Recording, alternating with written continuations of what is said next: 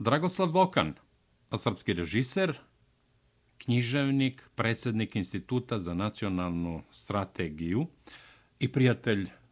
moj lični, Srpograd je Čikago, prijatelj moje porodice.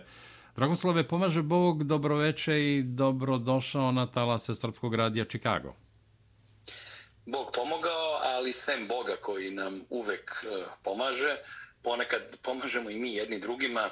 onako kako znamo i umemo i koliko možemo, pa bih samo pomenuo e, taj plemeniti bratski potez Ljubiša Radosavljevića iz Čikaga, koji je na svoj način e, prilogom pomogao, a preko tebe pomogao uh, moj institut za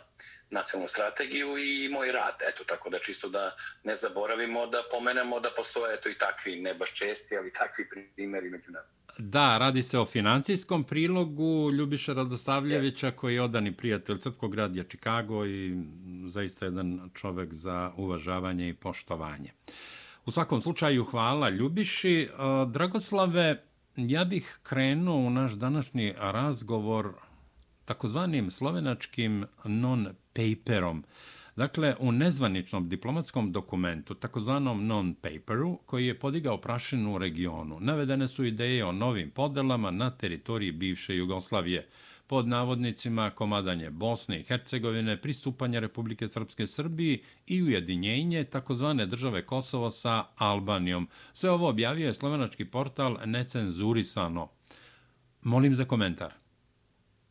Pa najinteresantnije od svega je kako je moguće da jedan potpuno nepoznati portal bez ikakvog uh, diplomatskog i političkog značaja, bez ikakve težine, taj necenzurisano, uh, da izbaci nekakav eh, kvazi dokument za koji sami kažu da je non-paper, znači da je ne samo uh, neformalan, nego i pita, upitno je i koga je zaista sastavio, iz kojih razloga i čemu uopšte služi, da takav dokument dođe do toga da o njemu govore veliki i važni evropske političari i svi, doslovno svi državnici u regionu. E, a da ne govorimo tako medijima koji su ispunili ovaj, svoje emisije, stranice, Um, tekstovima na račun tog non-papera. Tako da je mnogo interesantnije kako je došlo do toga da jedan takav uh, kvazi dokument postane opšta tema na čitavom Balkanu i ne samo na Balkanu, uh, naravno sa jasnom indicijom da iza toga stoji, ne znam, otprilike Mađarska, Orbanova, a iza toga naravno Rusija, to bože, a u sve to i Aleksandar Vučić i njegov koncept jačanja, jačanja Srbije. To sve naravno u karikiranoj varijanti i zloupotrebljeno na našu štetu. Važno je setiti se da je raspad Jugoslavije, ne velike Jugoslavije, počeo upravo akcijama i Slovenije. Kada su slični akceri, taj, ovaj formalno tu potpisan Janez Janša i e, ekipa saradnika Nemačke obeštene službe koja je bila u njegovom timu, kada su oni svojim akcijama, izjavama, potezima, e, čuveno je ono, onaj skup u Cankarijevom domu, gde je, nažalost, čak bio i e, jedan Srbin, uslovno rečeno Srbin, ne Čanak, prisutan još tada, u trenutku kada se kada je došlo do tako bolnog i krvovog zločinačkog cepanja Jugoslavije na način koji je i projektovan da bi se nastavio u dugogodišnji rat u kome su Srbi optuženi naravno kao jedini ekskluzivni krivci za sve. Tako da je to sve započelo u Sloveniji. Sećamo se sada je to opet ista, isti ljudi danas kao da žele da prizivaju neki novi rat i da uvedu ratne teme i te ratne bubnjeve u jednu prilično mirnu situaciju u kojoj nikada nisu bili bolji među odnosi između raznih e, post-jugoslovenske država nego što su sada. Znači, to je nešto što znači, nije prirodno izašlo iz nekih incidenata, sukoba, situacija, sem ako naravno uspon Srbije i uh, sve bolji status i značaj koji Srbija ima u u novim odnosima u okviru Balkana i čitave naše regije i u istočne Evrope, mislim, ako to, ta vrsta uspona Srbije izaziva ovakve reakcije, onda postoji neka logika, neke veze, ali ne u onom smislu u kome se to nama nameće i u kome svi pitaju sad razne državnike srpske, posebno ministre i predsjednika Srbije, pokušavajući E, da nas nateraju da se pravdamo za nešto što s nama nema nikakve veze, ni tluk jeli, ni tluk mirisali, a suština tog dokumenta koji ima to bože neku mapu i neku priču o nekakvoj kvazi velikoj Srbiji bez Kosova i Metohije, ove, jeste u tome da se u stvari u toj priči uh, govori o Srbiji bez Kosova. I to je ono što je jedino bitno u svemu tome i tu treba tražiti nameru onoga ko to piše i ko pokušava na neki čudan način da privikne javnost da je moguća tobože nekakva navodna velika Srbija, a bez samog srca ove uže postojeće Srbije sad. Tako da je to sve zajedno, recimo, to je taj prostor u kojem je to razmišljao, znači, dešavanje u Sloveniji ranijih vremena, ponovo dešavanje to u Sloveniji, kako je došlo to do takvog značaja, a jedan uh, falsifikovani dokument, i istovremeno potpis Janeze Janše, a samim tim preko njega verovatno i nemačke obveštene službe i nemačke države i naravno klasične optužbe na račun Srbije a, i Rusije, a opet medijacijom između redova i kroz saradnike i saveznike on, onoga što je suverenistički pokušaj da se uspostavi ponovo nacionalni identitet i državni suverenitet u Evropi, pa čak i u NATO zemljama, kao što to uh, Viktor Orban pokušava evo, već duže vremena u najtežim mogućim okolnostima. Eto, to je prilike neka tema uh, o kojoj mi treba da razmišljamo u okviru, ovak, kažemo, ovakvih koordinata. Da, Dragoslave, s tim u vezi, Milorad Dodik, predsjedavići predsjedništva Bosne i Hercegovine, rekao je da je Republika Srpska za mir, za razgovore o eventualnom odvajanju Republike Srpske, jer je na sceni u Bosni i Hercegovini majorizacija od strane Sarajeva, odnosno Bošnjaka. Članovi predsjedništva Bosne i Hercegovine Šefik Džaferović i Željko Komšić su komentarišući ovaj navodni slovenački non-paper saopštili da bilo kakvo odvajanje Republike Srpske, ali i Herceg Bosne pod navodnicima, taj deo koji bi se pripojio Hrvatskoj,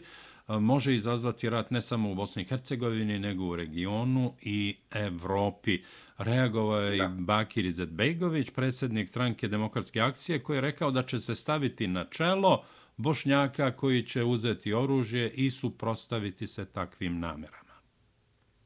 Znači, eto opet prilika da vidimo kako funkcioniše taj spin, to je ta, taj marketinški trik usnaren protiv Srba. Znači, ovdje imamo dokument koji je pisao ko zna ko sa potpisom slovenačkog e, čoveka, političara, dokazanog e, srbofoba i rusofoba i to u trenutku kada se uskoro sprema preuzimanje e, od strane Slovenije rukovodećeg, makar formalno rukovodećeg mesta u okviru Europske unije. I taj dokument koji znači sa nama nikakve veze nema, sem što je karikatura e, nečega što se odavno lažno pripisuje Srbiji. Na taj dokument sad odjednom imamo ratoborne izjave Bakira Izetbegovića koji je praktično ostao bez ikakvog utica i značaja sem kao šef partije te svoje ekstremističke i islamističke da se pominje oružje, ubijanje, smrt, e, pogibija, a opet smo mi krivi ako sa tim nikakve veze nema. Znači, e, ni luk jeli, ni luk mirisali, došlo sa neke čudne strane. U naš svakodnevni rečnik uveden jedan termin non-paper, gde svi kao uh, ovaj, um, kao papagaji ponavljaju, ter, iako ne znaju ni značenje reči paper, u diplomatskom rečniku i međunarodnom, a kamo li reći non-paper, ali svi živi sad ovde, svako na svoj način, neko tečno, neko mucavo, ali govore o nečemu što ne razumeju. Non-paper, non-paper, non-paper i sad to sve postaje kao iz uh, Monty Pythona, ovaj, neka scena eh, komična i da nije toliko krvi prosuto i toliko mržnje prema Srbiji izliveno, uh, to bi bilo stvarno smešno, ali pošto imamo loše iskustva, trebamo da budemo veoma, veoma oprezni. A kad je reč o izjavama gospodina Dodika, to su sve iznuđene izjave, znate. Zamislite da vi imate, vi ste predsjednik predsjedništva u okviru Bosne i Hercegovine u kojoj ona druga strana muslimansko-bošnjačka ne želi da izgovori reč Republika Srpska, da izgovori, nego oni govore RS. Oni RS, ne da. žele a uz to napadaju javno, e, čime izazivaju mnogo veću tenziju nego što je bilo kakva izjava gospodina Dodika, e, njihovom pričom o tome da je e, to para državna tvorevina nastala na genocid. Zmislite vi, oni to govori i to niko ne govori da su to ratni usklici nego vade neku rečenicu Dodikovu koji reaguje na reakciju nečega što E, da je izazvan da nešto kaže o tome, a onda se na njegovu reakciju tobože nadovezuje neko ko u celoj toj priči od početka priziva rat, samo naravno ne da ratuju bošnjaci protiv nas, nego kao i ranije, kombinacija muđahedina i, i zapadnih logističkih ovaj, saveznika. Da, a, gospodine Bokan, Izveštaj komisije o stradanju Srba u Sarajevu, Srpska zajednica u Sarajevu tokom ratnih dešavanja uništene u totalitetu. Nije bilo opsade već blokade Sarajeva, ubijeno je više od 3000 Srba, dakle Međunarodna komisija nedavno je završila rad i uputila vladi Republike Srpske. Pa molim vas za komentar jedan od članova komisije i naš prijatelj profesor dr. Darko Tanasković čuven po svojoj objektivnosti, e, svom diplomatskom e, stavu u kome nikad nema pretaranih reči, gde sve odmereno i gde se stoji i e, biografijom i, i karakterom i čašću iza svake izrečene rečenice, što je vrlo redko u ovim prostorima, bez obzira o kojoj naciji govorimo kada pričamo o intelektualcima aktualni. Tako da je sa strane profesor Darko, Darko Tanasković svojim potpisom daje neverovatan uh, autoritet i uh, pouku o istinitosti ovakvog dokumenta koji govori o tome da se dešavao jedan uh, genocidni projekat, ali ne u Srebrenici gde se desio zločin vojni, već u Sarajevu gdje se dešavao jedan strašan prigušeni genocid u kome su stradala i deca i žene i muškarci, a ne samo vojno stasali muškarci i koji nije izazvan apsolutno ničim sem mržnjom i nekom, nekom eh, zverskom osvetom od strane oni koji su rati započeli, sećamo se onog ubistva svatova u Sarajevu, pa sve redom. Na baš čarši, kod naše stare crkve. Pa da, da, da, da Nikole Gardović. Znaš, tako da tako sa, sa te strane mi imamo situaciju u kojoj oni koji su započeli sve, zakuvali sve, uveli i svoj narod i uh, ljude koji od njih direktno zavi, zavise u jedno veliko stradanje zajedno sa nama i svima ostalima, oni koji su to uh, razvijali, rasponsavali, ubijali te nesečne Srbe koji su bili zatočeni tamo kao nekakvom urbanom konclogoru, sve vreme dok su pričali o zločinima Srba sa okolnih brda, to bože, a u stvari iz podeljenog Sarajeva. Sarajevo je bilo podeljeno, to nije bio opkoljeni grad, nego je bio podeljen. Jedan deo Sarajeva su držale muslimanske snage, a drugi deo su držali Srbi. Tako da s te strane ta slika o nekom gradu koji strada, jer neko sa neke planine puca ove, bez ikakvog plana, uh, ubijajući po svom uh, nahođenju, koga god, je u stvari jedna strašna propagandna slika koja, nažalost, evo do dana današnjeg se može čuti čak i u Beogradu, a kamoli drugde, od strane drugosrbijanskih uh, autošovinista. Tako da te smrti tih ljudi nije stvar samo u tome što je njih 3000 pobijeno. Kad, kada biste vi razložili to, to su hiljade i hiljade tragedija, hiljade i hiljade nesnimljenih filmova o strašnom stradanju ljudi, čija je jedina krivica, ponavljam, jedina krivica, to što su bili Srbi. Jer za razliku od mnogih koji su stradali u Srebrenici, za koje pouzdano znamo da su bili deo vojnih oružanih snaga, također znamo za strašne jezive zločine koji su godinu, dve i tri pre toga počinili čak veliki deo baš tih streljanih ljudi tamo na svojim komšijama Srbima, čak i decom i životinjama. I strašne su te priče što su oni radili, tako da to ne može nikako da se poredi to njihovo stradanje, a da ne govorimo o tome da su bili izuzeti, žene i deca bili izuzeti i zbog toga je to ratni zločin koji naravno se događa na mnogim mestima, pa eto, desio se i tu. I to verovatno u kombinaciji organizacije obavešnih službi sa zapada i i onih koji, kojima je to odgovaralo. Znamo svi za tu čuvenu priču o odnosu Clintona i Izetbegovića. Da, i o 5000 stradali bošnjaka da bi se bombardovala Republika Srpska. O potrebi za 5000 stradali bošnjaka i o tome da su glavni bošnjački komadanti, zapovednici grada i to su to videli, shvatili, svedočili posle toga o tome, iako su naravno bili upozoravane. Pa čak i ovaj nesečni film Kovadi Saida koji E, ide krupnim koracima, e, propagandnim koracima, ide ka Oscaru za strani film. On je, to je film koji je započet na osnovu e, sećanja jednog od muslimana iz Srebrenice koji je odustao tokom pravljenja tog scenarija jer je vidio da reditelj kada je Milaš Banić koji je čuveni propagandista već dokazan i do sada i od sada pošto tek sprema neku seriju televizijsku seriju o stradanju Sarajeva, ali ne i ovih Srba koje smo pomenuli, o kojima niko ne govori, jer izgleda da naše žrtve se ne računaju. Tako ispada, nažalost. Ove, I onda taj čovek, iako sam stradao, on je bio u vezi sa Ujedinjenim nacijama, imao je veliko iskustvo tokom tih događaja u Srebrenici, odustao od toga i, i rekao je da niko ne treba ne sme da koristi uh, delove njegove knjige i njegovih sećanja. Naravno, to se ne pominje kod nas, jer mi stalno pokušavamo da šlihtanjem našim krvnim neprijateljima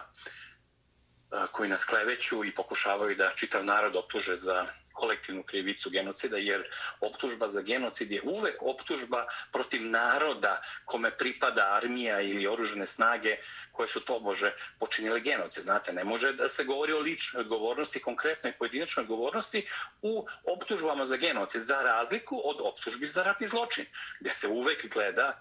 ovaj, komandna i lična odgovornost pojedinaca, ne govori se o o odgovornosti naroda. Zato je ta reč genocid toliko njima bitna i zbog toga su snimili ko vadi se idu i zbog toga pokušavaju da nas vode tim svojim minskim poljem gde stalno nalećemo na laži koje eksplodiraju u medijima svaki put iz početka,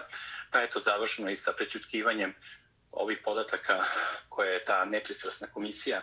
donela o stradanju Srba u Sarajevu i naravno oko toga šta se sve dešavalo sa filmom Kovadi se ide koji nažalost ima u redovima oni koji su ga uradili, koji su najzaslužniji za uspeh tog propagandnog e, delca. I dvoje Srba, bračni par iz Novog Sada, profesora glume, veoma cenjenih glumaca, dobitnika najviših naših nagrada, ovaj, koji su Boris Isaković i Jasen Ćuričić, koji ovde važe kao nekakva vrsta um, obožavanih um, moralnih heroja. Smislite vi kada izdaju. Kada svoj talent koji poklonite ili za pare prodate neprijateljima svog naroda, vi ne samo što to uradite i što vas nije sramota da iziđete na ulicu, nego vi napadate oni koji vas kritikuju sa punim pravom za to što ste uradili, kao obrćući situaciju da su u stvari oni propagandisti, ti koji napadaju to propagandno delo koje može se porediti samo sa onim jezivim nacističkim, rasističkim filmom Jevren Zis, gde su Nemci nacistički podmetali e, uh, jevrima krivicu za sve što se dogodilo ove, u, u Nemačkoj tokom 30. i 40. godina, e, zlopotrebljavajući tako razne opšta mesta, fraze, marketinške propagandne trikove, na užasan način koristeći pritom najbolje e, nemačke glumce tog vremena, čuvenog Emila Janingsa, koji je bio uh, neka vrsta Jean Gabena, nemačkog, a re, režirao je Fight Harlan, jedan isto veliki nemački reditelj iz tog predratnog perioda, koji je prihvatio da postane član cističke partije i da uradi nešto jezivo što meni liči na ovo što je uradila Smila Žbanić za bošnjački, e, antisrpski i srbofobni pokušaj uh, krivice na srpski narod. Tako da to sve zajedno kada se i oduzmemo, mi vidimo da postoji znači, jedan džinovski robot, Frankenstein, uh, ideološki i uh, propagandni koji gazi po istini, koji gazi po onome što se zaista dešavalo i ne interesuje ga šta se tu dešavalo, nego je važno samo da Srbi budu krivi i da se održi stalno tinjanje te vatre mržnje prema našem narodu. Da, Dragoslave, naravno iz Bošnjačkog Sarajeva dolaze ne samo kritike, nego sporavanja i ljudi koji su radili u toj međunarodnoj komisiji, ali onoga što su napisali, pa su zločini nad Srbima u Sarajevu ekscesi, recimo kazani su krvavo prljava mrlja na obrazu Sarajeva, ali je to eksces proizveden manijakalnošću jednog čoveka, tu se naravno ne misli na Aliju Izetbegovića, da nije bilo o, nikakve blokade, nego da je to bila opsada i tako dalje i tako dalje. Dobro, I da cige svoga konja hvali, znate. Da. To je, znate, kada gledate scene na suđenju, posjećate se O.J. Simpsona i ove situacije sa njegovog Naravno, suđenja. Da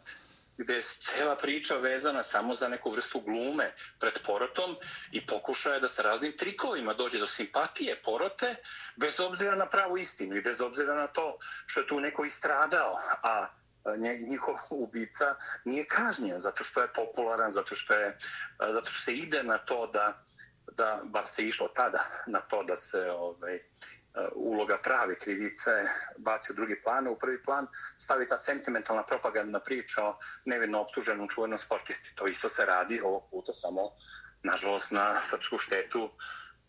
a na korist onih koji su zaslužili popuno drugačiji status, ali to je duga priča. Uh, vidjet će se šta će biti na kraju. Nema istorijskog događaja koji se na kraju nije otkrio, iako, nažalost, neki put mnogo, mnogo godina posle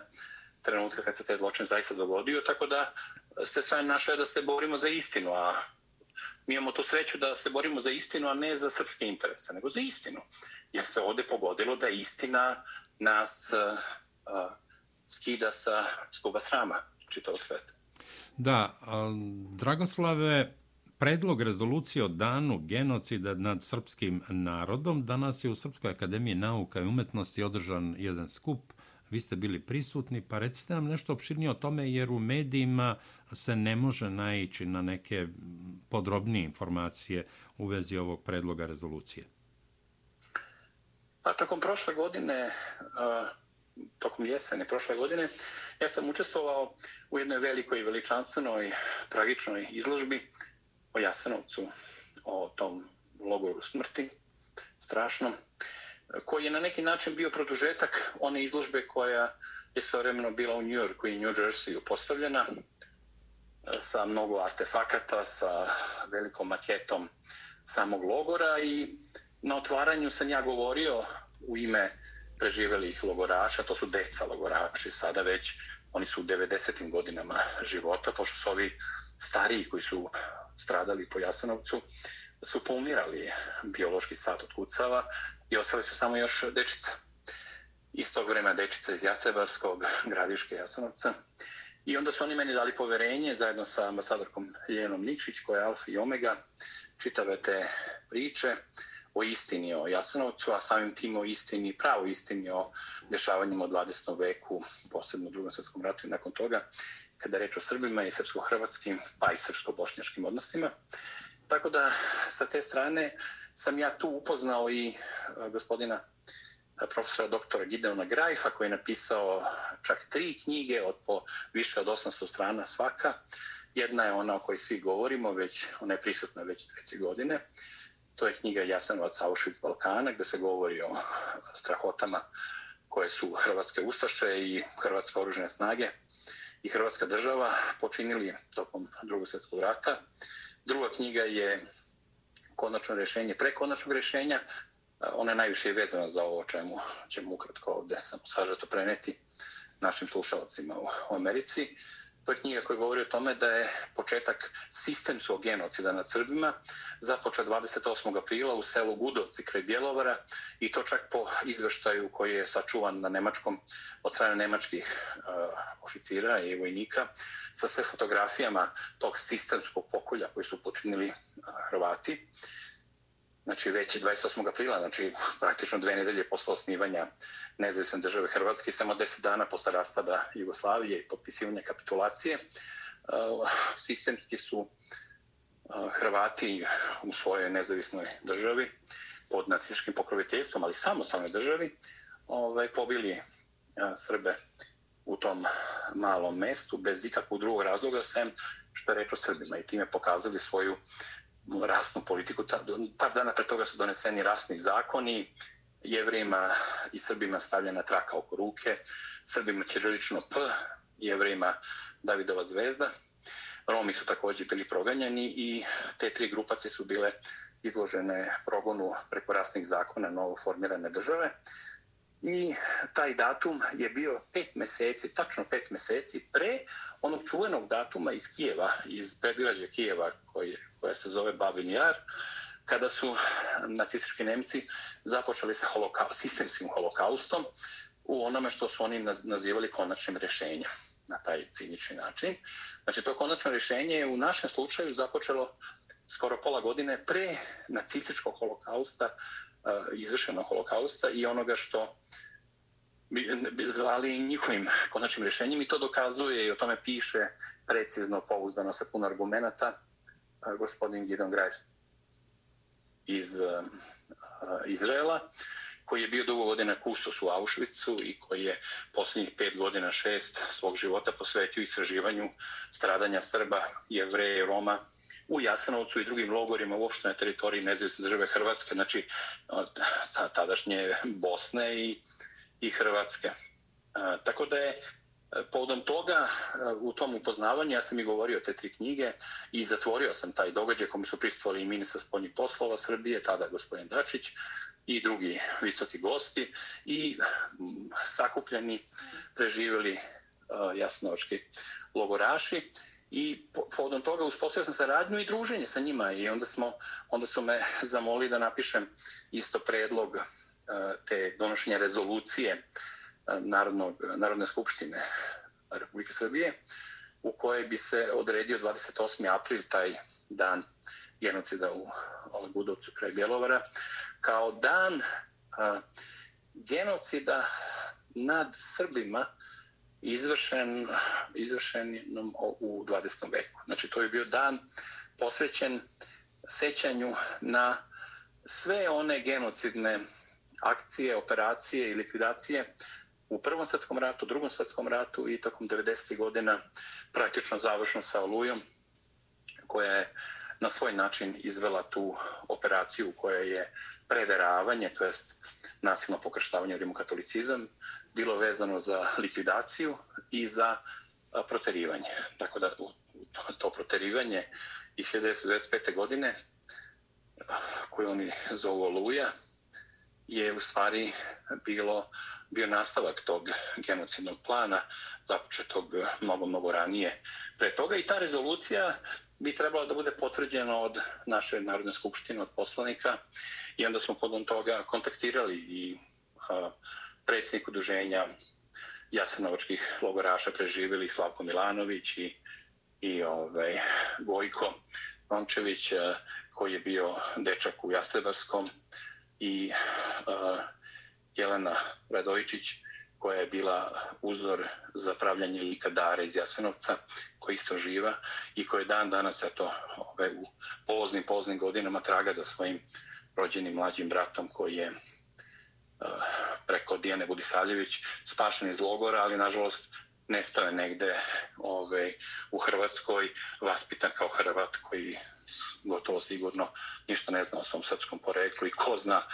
na koji način on gleda srpsko-hrvatsko pitanje, oni i njegovi potomci. Ona još uvek se nada da će naići na svog malog brata.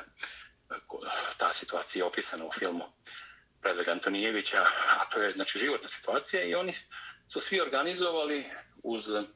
gosto, gostoprimstvo Srpske akademije nauke i umetnosti, gde su Vasilije Krestić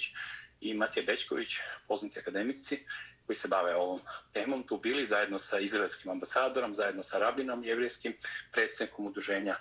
jevrijskih opština Srbije, podpredsjednikom Narodne skupštine Srbije, poslanicima, određenom broju poslanika Narodne skupštine, tu je bio Vladimir Božović, ambasador Srbije u Crnoj Gori, koji ovaj,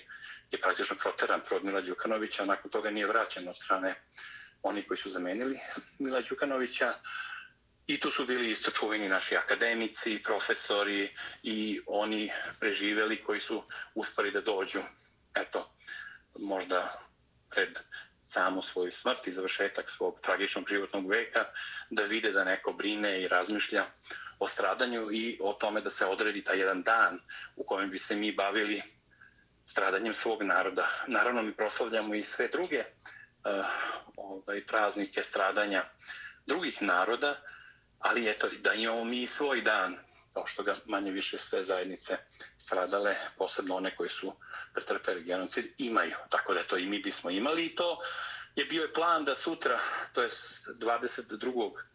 aprila na dan onog eh, herojskog i tragičnog proboja, kada su goloroki logoraši u Jasenovcu videvši da ih niko neće oslobađati, da polako će svi biti pobijeni do zadnjeg, su krenuli bez oružja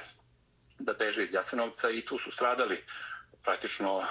svaki deseti je preživio tek. Ostali su pobijeni. Tako da je to taj dan tog uh, pokušaja uh, napuštanja logora, tog peksa iz logora, bio idealan da na taj dan se objavi rezolucija o nečemu što će se dešavati za šest dana posle toga. Znači do 22. aprila se govori i glasa o rezoluciji za 28. april. To naravno nije baš uspelo jer život nije bajka niti što i poljem preći, već je često uh, sudar sa mnogim iskušenjima i neprijatnim okolnostima, ali moram da, prim, da pomenem da sutra, to je sa 22. neće biti te sednice skupštine na tu temu, ali će biti otvorena velika izložba o Jasenovcu. U Istorijskom muzeju Srbije piše, a video sam u Knjezi Mihajlovoj u galeriji Progres velikoj, da je tamo valjda postavljena. I to je izložba koju će otvoriti predsjednik Srbije Aleksandar Vučić. Gospodine Bokan, pomenuli ste Crnu Goru. Predsjednik Crne Gore i danas je napao Aleksandra Vučića, Srpsku pravoslavnu crkvu i Srbiju. On je optužio predsjednika Srbije Aleksandra Vučića za veliko srpski nacionalizam i nameru da Crnu Goru asimiluje, odnosno uključi u takozvani srpski svet i za srbizaciju Crne Gore. Došlo je mnogo reakcija na ove, rekao bih, umobolne ponekad izjave Mila Đukanovića, diktatora kome je očigledno kraj 30-godišnje vladavine, pa između ostalog u Crnoj Gori pišu da je plan Mila Đukanovića da se odvoji srpski narod i Beograd, Milo Đukanović i njegovi ortaci lažima udaraju na Aleksandra Vučića, meta su im, pored Aleksandra Vučića i Srbije, Srpska pravoslavna crkva i patrijarh. Milan Knežević, jedan od lidera Demokratskog fronta, izjavio je da ako je Aleksandar Vučić monstrum, zašto Milo Đukanoviću ne sloniš svoju rođenu sestru i sestrića iz takozvane jazbine Vele Srbije iz Beograda, a ministar unutrašnjih poslova Srbije Aleksandar Vulin izjavio je da je Milo Đukanović opsednut Aleksandrom Vučićem i da treba da se leči. Pa molim vas za komentar. Pa na mnoge, na mnogo načina može se komentariše, ali sama suština je u tome da niko ne govori o američkom svetu, o ruskom svetu, o engleskom ili britanskom svetu, francuskom svetu, pa ako hoćete i u albanskom svetu ili hrvatskom svetu, s obzirom na uticaje koji su imali e, svi ovi narodi na čitavom području poneko regije balkanske, poneko Evrope, poneko planete. To se nikad ne govori. Odjednom je ta priča o srpskom svetu postala u stvari ozloglašena, iako e, srpski svet može da bude nekakav ideal, i to kulturni ideal, nekakve um, srpske kulturne politike, ništa manje i više od toga. I to tek čežnjivi ideal koji će možda doći jednog dana s obzirom na situaciju da mi u Beogradu nismo uspeli da formiramo srpski svet, a ne, a ne da ga formiramo još van Srbije. Tako, je. Tako da je to u stvari briga o Srbima van Srbije. Sad se naziva uh, imperialističkim pokušajem pokoravanja svih naroda, kao što je ranije ne briga o Srbima van Srbije, tretirana kao pokazatelj da vlasti u Beogradu uopšte ne brinu o o Srbima koji žive van republičkih granica sadašnje Republike Srbije. Sad je znači kontra, znači prvo napadaju zašto se ne brinu e, država Srpska i političari i državnici iz Beograda, zašto se ne brinu o Srbima u Hrvatskoj, Crnoj Gori, Makedoniji i onome što se njima dešava, za razliku recimo od Mađarske ili Hrvatske koji se tekako brinu o svojima. Ove, a sad odjednom se obrće priča odjednom na drugu stranu, ali sa isto tako jakim napadima, suština u napadu, a ne u sadržaju napada. I govori se o tome da sad opet Srbija koja počinje da brine za, za Srbe i njihova uražena prava, ne za njih da bi bili privilegovani u odnosu na ostale, nego samo o tome da ne budu potpuno ovaj, degradirani na nivo biološke mase i nekakvih večitih krivaca, bez obzira na to koliko oni stvarno stradali i da li imali ili ne imali prava. Znači Crna Gora u kojoj je bila zabranjena Čirilica, u kojoj je, su sveštenici posle drugog svjetskog rata bili ubijeni, hapšeni, crkve opustele, a onda ovaj, posle odvajanja Crne Gore najnovijeg, uh, od pre desete godina, je došlo i do direktnog napada na sveštenike Srpske pravoslavne crkve, na pokušaje da se Srpska pravoslavna crkva ovaj, oslobodi, to jest odbaci ono srpska iz priče o SPC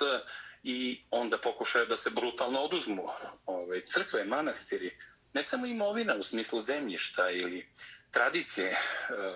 SPC na toj teritoriji, pošto SPC nije vezana za Republiku Srbiju, nikada bila, ona je uvijek bila vezana za sve zemlje u kojima žive Srbi, ne samo srpske zemlje, nego razne zemlje u kojima, pa imate u Americi Srpsku pravoslavnu crkvu. Tako je. Nije, neće srpski sve da pokori Ameriku, neće da radi nešto slično, nego mi radimo isto ono što rade i Jermeni, što rade razni narodi na svetu, a to je da pokušaju da održe svoj identitet, svoje poreklo, tradiciju, običaje, baš po onim pravilima koji im omogućavaju i Ustav Amerike, i Ustavi evropskih zemalja, Rusije.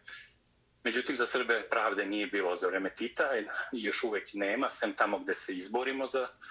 za tu pravdu i to pravo i eto sad ta promena i jačanje Srbije izazvalo je gnev a, i frustraciju u čitavom regionu. I sad svi gledaju na koji će način preko priče o non paperu ili mapama non papera koji nemaju veze sa nama ili priče o, o ovaj, srpskom svetu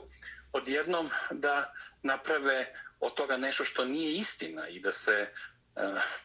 ono, ko prvi kaže kriv si, taj u pravu. To je ta ona logika, znate, ono, ko prvi devojci, njegova devojka, a ne može se u istoriji politici razmišljati isto tako po logici napade najbolje odbrana. Tako da to što je Milo Đukanović pokušao da napravi u svom koznakom po redu preobraćenja iz nekadašnjeg ateističkog Srbina, pa u tradicionalnog Srbina, pa u Jugoslovena, pa onda u politički neutralnog vođu, pa onda zapadnog NATO lidera, pa onda čoveka koji podržava priču o takozvanom genocidu u Srebrenici, koji uh, priznaje ovaj, Kosovo i uvodi sankcije Rusiji i koji Srbima oduzima Čirilicu, oduzima pravo na verske ovaj, obavljanje verskih potreba, taj čovjek nešto govori o tome da neko tu nešto loše radi. To je stvarno nevjerovatno. To je ko Hitler kad bi se bunio da je žrtva Evrope, sveta ili demokratske država. To isto radi, pokušava da uradi Milo Đukanović jer vidi da mu se bliži politički kraj, vidi da se te prevare kogod on uništavao dokumenta, papire, potplaćivao, tragao za nekim marketinškim izgovorima, polako se ovaj, bliži dan suočavanja sa krađama, razvojništvom, zločinima, mafijoškom državom, a ne samo um, mržnjom prema Srbima i pretvaranjem e, potomaka nekadašnjih e, crnogorskih Srba u antisrbe, nego i konkretni zločini, kriminalni i ostali, koji ga čekaju na istragu i zbog kojih on pokušava da e, što je moguće više zamagli situaciju i da pusti to mastilo propagandno i da ti nesečni, kako sebe sami nazivaju komite, koji su Srbi, koji se bune protiv Srbe i mrze Srbe, što je stvarno jeziv. Delo je, bilo bi cinično da nije strašno. Jer je to njegova posljednja šansa da to predstavi kao politiku i to da on to bože brani Evropu u Crnoj Gori protiv Rusije i protiv Srbije i on to je neki njegov trik i vapaj zapadnim silama da ga podrže iz tih ideoloških i propagandnih i rusofobnih i srbofobnih razloga, a ne zato što on to zaista zaslužuje, a izgubio izbore i one glavne izbore, a i u svom Nikšiću gde je rođen je izgubio izbore i sad ide redom, sad će u Herceg Novom da se samo potvrdi ta koalicija protiv Mila Đukanovića i te milogorsko-montenegrinske nakaze od od ideologije, kvazi ideologije, da kombinacija titoizma, ustašluka, mislim, jezivo što je to sve pomešano u tim nesečnicima koji umeju samo da urlaju i da mrze. Ništa drugo se njih ne možemo očekivati, jer je njihov jedini identitet, u ostalom kao i Ustaša, u susjednoj Hrvatskoj, tamo je u mržnji prema Srbima. Ništa, ničeg drugog nema. Tako da, oni kad kažu za dom spremni, oni kažu u stvari za dom očišćen od Srba spremni. To je u stvari prava prava između redova, prava dimenzija i funkcija te čuvene rečenice koja je Bogu hvala zabranjena, sada je to i po hrvatskim zakonima, ali se pušta puštaju pesme uh, srbomrzačke. E, to se taj Thompson koji je bio, uh, koji je ratovao protiv Srba i postao slavom po toj pesmi Bojna Čavoglave gde se preti Srbima ubistvom, čak i istragom Srba u Srbiji i ubistvima po Srbiji. Ta pesma je postala njihov hit koji oni na neseću svojih predaka pevaju. Znači, u sred Cetinja. U sred Cetinja i Crne Gore. I Podgorice i svugde bilo je puštena pesma bila i na ovaj i na crnogorskoj državnoj televiziji koja je još uvek u rukama milovih ljudi. Znate, znači Thompson je pevač koji ima i drugačije pesme, nisu sve njegove pesme takve, ali oni biraju upravo tu najstrašniju jezivu, rasističku, nacističku, pogromašku, genocidnu pesmu, oni nju pevaju preteći nama Srbima, oni Srbi, nama Srbima prete. Pa to je stvarno, mislim, stravično i strašno, ali eto, kad pećinski nacionalizam se projavi, kao što je taj ustaško-montenegrinski koji promoviše Milo Đukanović, onda u toj situaciji njihova, njihov najveći i najvažniji trik je da pokušaju da Srbe optuže za pećinski nacionalizam, oni koji upravo promovišu takav uh, kvazi nacionalizam, stvari šovinizam, zasnovan na mržnji i ničem drugom sve mržnji. Da, Dragoslave, evo pri kraju smo našeg današnjeg razgovora. Vlada Crne Gore je spremna za potpisivanje temeljnog ugovora sa Srpskom pravoslavnom crkvom. Zdravko Kirokapić, predsjednik vlade, saopštio je da je razgovarao sa patrijarhom uh, srpskim Porfirijem, i uskoro ćemo, kako on kaže, usaglasiti termin potpisivanja ugovora. Ovo pitanje ne sme biti predmet politizacije ili podmetanja, ne bi li se ostvario koji politički poen.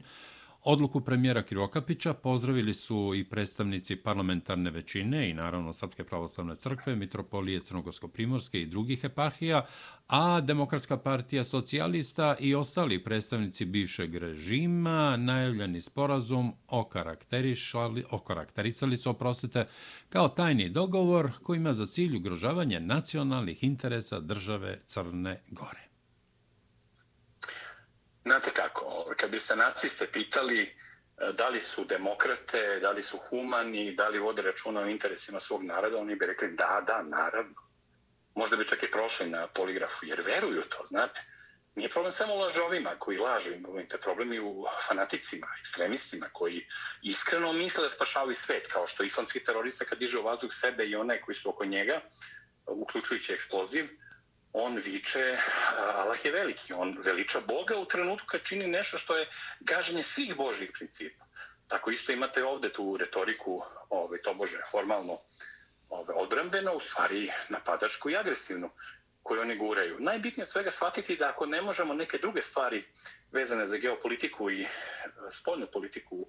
u Crnoj Gori da očekujemo da će se stvari menjati ili popravljati, jer sve to što se dešavalo s Crnom Gorom nikad nije bilo referendumski proveravano, nego je sve nastelo odlukom, jednostranom diktatorskom odlukom Mila Đukanovića i njegovih saradnika i sa ono, uz ono i čuvenu rečenicu da je to bila jedna teška odluka. Kad čujete da neko govori o teškoj odluci, to znači, znajte da izdaje, ne, da izdaje principe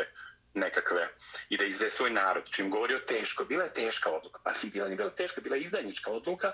jedna, druga, treća, četvrta, I to je tako nagomilovano. I sad oni kad su ostali bez tepiha pod nogama, oni sad pokušavaju da nađu krivca i gde ga nema, naravno. I oni instinktivno osjećaju da je sam problem koji oni imaju problem sa istinom. A suština problema sa istinom je u duhovnoj dimenziji istine. Tako da, sa te strane, njima Srpska pravoslavna crkva je višestruki neprijatelj, ali zbog njihovog koncepta, njihovog bezbožništva, njihove mržnje prema svemu srpskom pravoslavnom i svetosavskom, iako je uh,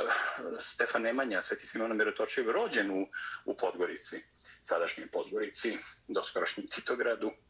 a pre puno godina Ribnici, u vreme kada je on rođen, a Sveti Sava je E, vladao jednom provincijom koja upravo zahvata sam centar sadašnje crnogorske države pre nego što je otišao na Svetogoru i postao duhovni pastir svih budućih generacija Srba, ne samo svog vremena. I oni znaju da ako pokušaju da uzdrmaju te temelje i sruše taj stup koji je Bogu hvala neporušiv, da će onda u stvari srušiti i čitavu istinu o srpskom narodu i o svom poreklu. I onda oni to mržnjom koju svi vampiri osjećaju prema živim ljudima koji nisu vampiri, tako i oni napadaju i tu duhovnu dimenziju koju su osjetili, njenu snagu su osjetili, pazite, u mirnim veličanstvenim litijama. Ne samo veličanstvenim litijama, nego mirnim veličanstvenim litijama, bez bacanja kamenja, bez vike, bez vređanja, Ti, te mirne litije su zaista bile veličanstvene i pamtit će se stotinama godina, ubeđen sam, i pokazale su ne samo snagu pravoslavlja i Srpske pravoslavne crkve u Crnoj Gori kroz, nje, kroz njenu metropoliju, više vekovnu, već i a, istinu Božjeg prisustva i snagu duhovne dimenzije ljudi, a ne samo ekonomske ili političke. Tako da sa te strane oni sad pokušavaju da a, iskorene ono što je suština njihovog poraza, a to je vraćanje istine i vraćanje Boga u jednu državu koja je, nažalost, još po Titom Boga odbacila, a istinu sakrila kroz razne propagandne tituističke laži, a sad kroz Mila pokušava da, nastavi sa tim u vremenima koje su davno prošle. Milo Đukanović je relikt jednog vremena prepada Berlinskog zida, jedan poslednji tiranin u Evropi, čovek spreman na apsolutno sve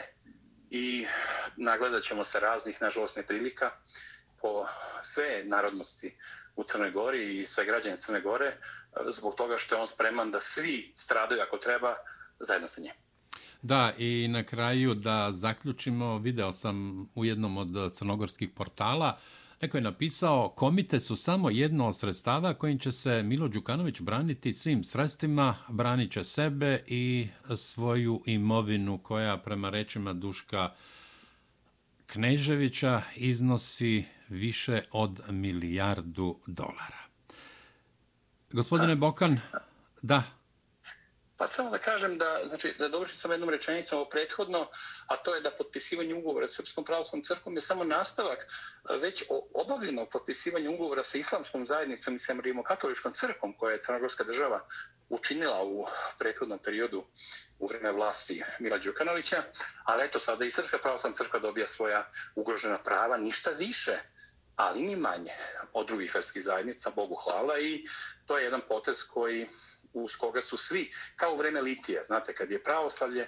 u pitanju i svetosavska tradicija, onda odjednom se dešava neka vrsta sloge, saborne sloge i kod onih koji su inače razdvojeni politički, kao što vidimo u toj većinskoj koaliciji koja ima milion problema, znate, koji, a to je posebna tema sad da ne idemo ovaj, ka tome. I ono što je bitno da razumemo to je da stvari idu uh,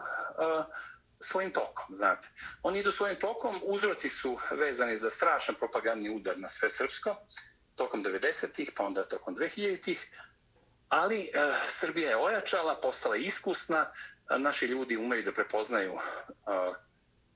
ono što je čista propaganda u odnosu na ono gde ima i neke istine i najvažnije od svega, Srbi su naučili da raspoznaju prioritet. Ne može priča o lažnom doktoratu ili o nekoj velikoj zgradi izgrađenoj na nekom mestu za koje se to nekom ne dopada ili ne znam podizanje spomenika ovolikih ili onolikih da budu važnija tema od toga da li će Srbija biti porobljena, da li će se Srbija uspraviti, da li će Srbi ponovo postati slični svojim precima pre eh, greha komunizma i onog strašnog stradanja posle prvog svjetskog rata pa evo sve do skoro ili ne. Ne interesuje me pojedinačne sudbine. Mislim, to je ono što zaista moramo da kažemo, onaj ko bude hteo da Kosovo preda šiptarima i e, svetsko, svetskim moćnicima i da prizna e,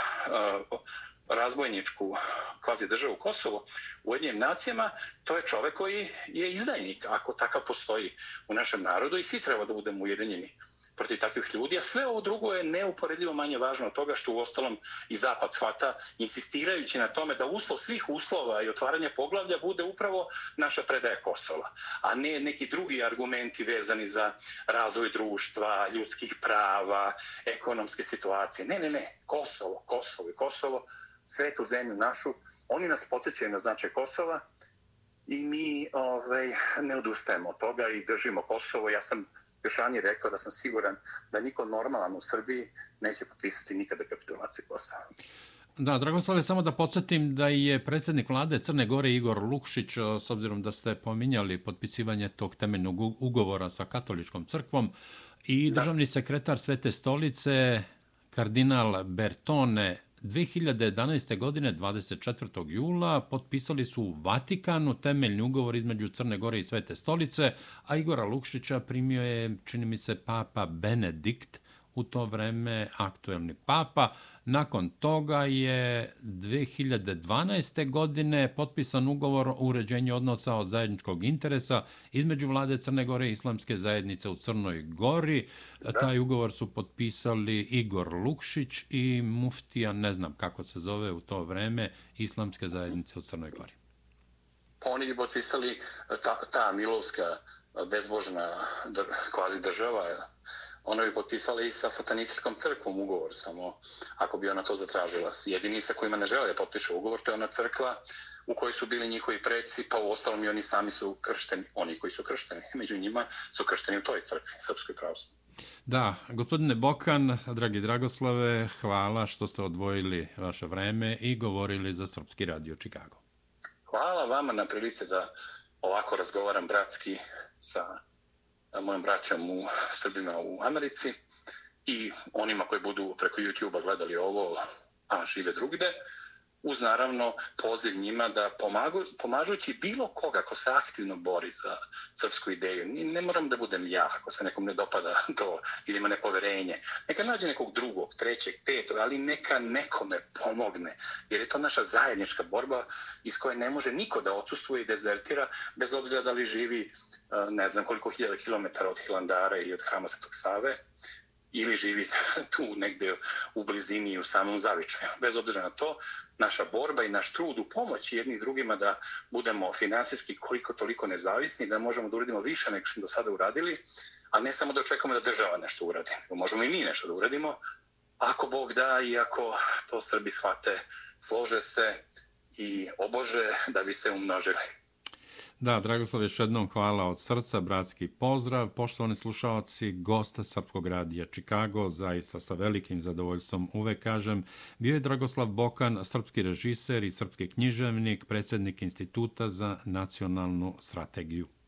I nekadašnji srpski dobrovoljac u Oslobodovačkom ratu. Da, tako je. Hvala od srca i Bog nam svima dobro dao. Tako je.